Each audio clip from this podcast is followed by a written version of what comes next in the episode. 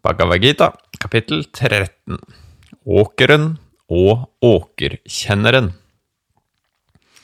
Arjuna sa materie, prakriti, og ånd, purusha, åker, kshetra, og åkerkjenner, kshetrajna, kunnskap og det som skal kunnes, jeg ønsker å forstå alt dette, Krishna.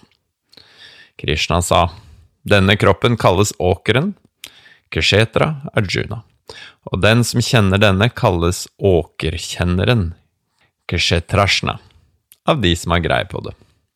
Vit også at jeg er åkerkjenneren i alle åkere, Arjuna.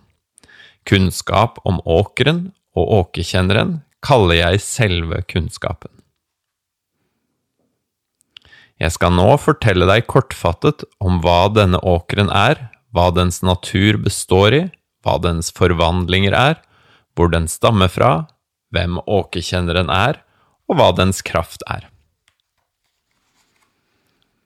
Seere har i klare ordelag sunget om det på mange forskjellige vis i ulike vediske hymner, og beskrevet det i skrifter om Brahman med uimotsigelige argumenter. De fem elementene, jeget, ahankara, intellektet, buddhi, det umanifesterte, avjakta, de elleve sansene og de fem sanseobjektene. Begjær, hat, nytelse, smerte, kroppen, bevissthet og stabilitet, slik er i korthet åkeren og dens forvandlinger beskrevet. Ydmykhet, trofasthet, ikke-voldelighet, tålmodighet, redelighet, tjenestevillighet overfor sin læremester, renhet, standhaftighet, selvbeherskelse, ikke begjær av sanseobjektene, uselviskhet, bevissthet rundt plagene ved fødsel, død, alderdom, sykdom og lidelse. Å være løsrevet, ikke tilknytning til sønn, hustru, hjem og lignende. Alltid samme innstilling til ønskede og uønskede hendelser. Urokkelig hengivenhet, bhakti, til meg, med ensrettet yoga, ananya-yoga, tilhold på et øde sted, misnøye med menneskenes samfunn, varig erkjennelse av det høyeste selve og forståelse av meningen med å erkjenne virkeligheten. Alt dette som jeg nå har nevnt, sies å være erkjennelse, jnana. Uvitenhet er det motsatte av alt dette.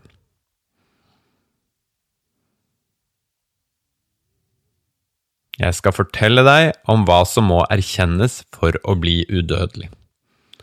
Det som må erkjennes, er den begynnelsesløse og absolutte Brahman, som sies verken å være eller å ikke være. Det er hender og føtter alle steder, og har overalt øyne, hode, ansikter og ører i denne verden. Det favner alt. Det synes å ha alle sansenes egenskaper, men er samtidig fri fra alle sansene. Det er ikke bundet til noe, men holder like fullt alt oppe, og selv om det er fritt fra materiens egenskaper, opplever det disse egenskapene. Både i det bevegelige og ubevegelige. På grunn av sin subtilitet forstås det ikke. Det er langt unna, men likevel nært. Det som må erkjennes, er udelt, men er i alle ting som om det er delt. Det er skapningenes opprettholder, ødelegger og skaper. Det som må erkjennes, er lysenes lys, og sies å befinne seg bortenfor mørket.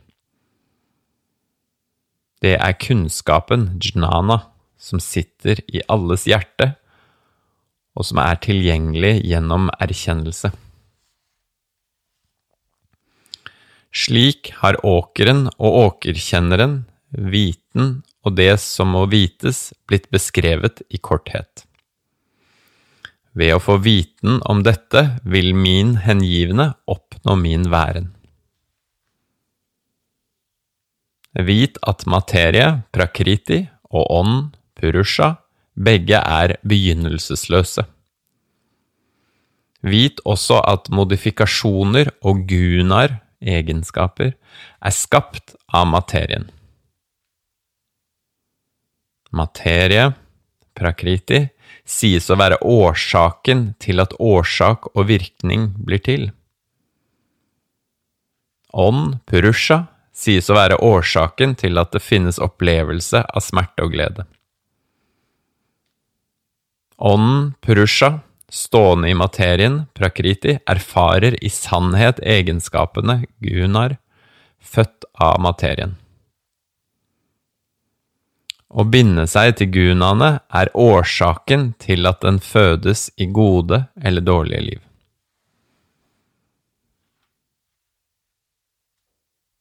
Den store ånd, Purusha, i denne kropp sies å være den som vitner, tillater, støtter og erfarer. Den store hersker og det ypperste selv, Paramatma.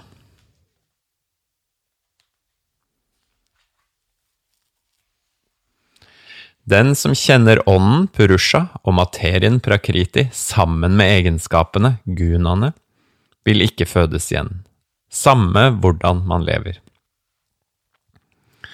Noen skuer selvet i selvet med selvet gjennom meditasjon, dhyana.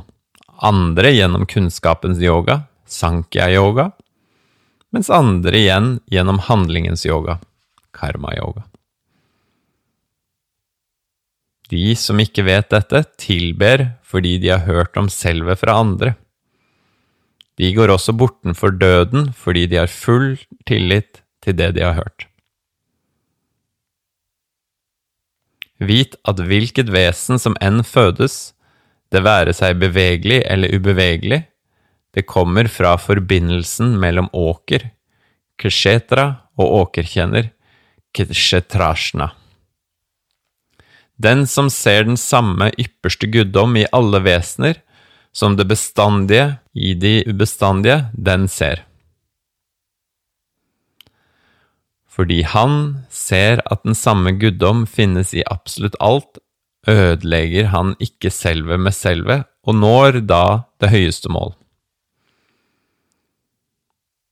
Den som ser at alle handlinger på alle måter utføres av materien prakriti, og at selve ikke gjør noen ting, akarta, den ser. Den som ser at alle skapningenes forskjellige manifestasjoner finnes i det ene og er en emanasjon, vistara, fra det, den vil bli Brahman. Dette ypperste selv, paramatma, er evigvarende, og siden det er uten begynnelse og uten egenskaper, guna, vil det ikke utføre handlinger eller kunne berøres, selv om det er i kroppen, Arjuna. Slik som det allestedsnærværende rom ikke kan berøres fordi det er så subtilt, slik blir heller ikke selve, som er overalt i kroppen, påvirket. Slik den ene solen opplyser hele denne verden, slik opplyser ånden Kshetri, hele materien, Keshetra, Arjuna. De som med kunnskapens øye forstår forskjellen mellom materien, Kshetra, og ånden, Kshetrajna, og som frigjør frigjøringen fra de materielle elementene, de vil nå det høyeste.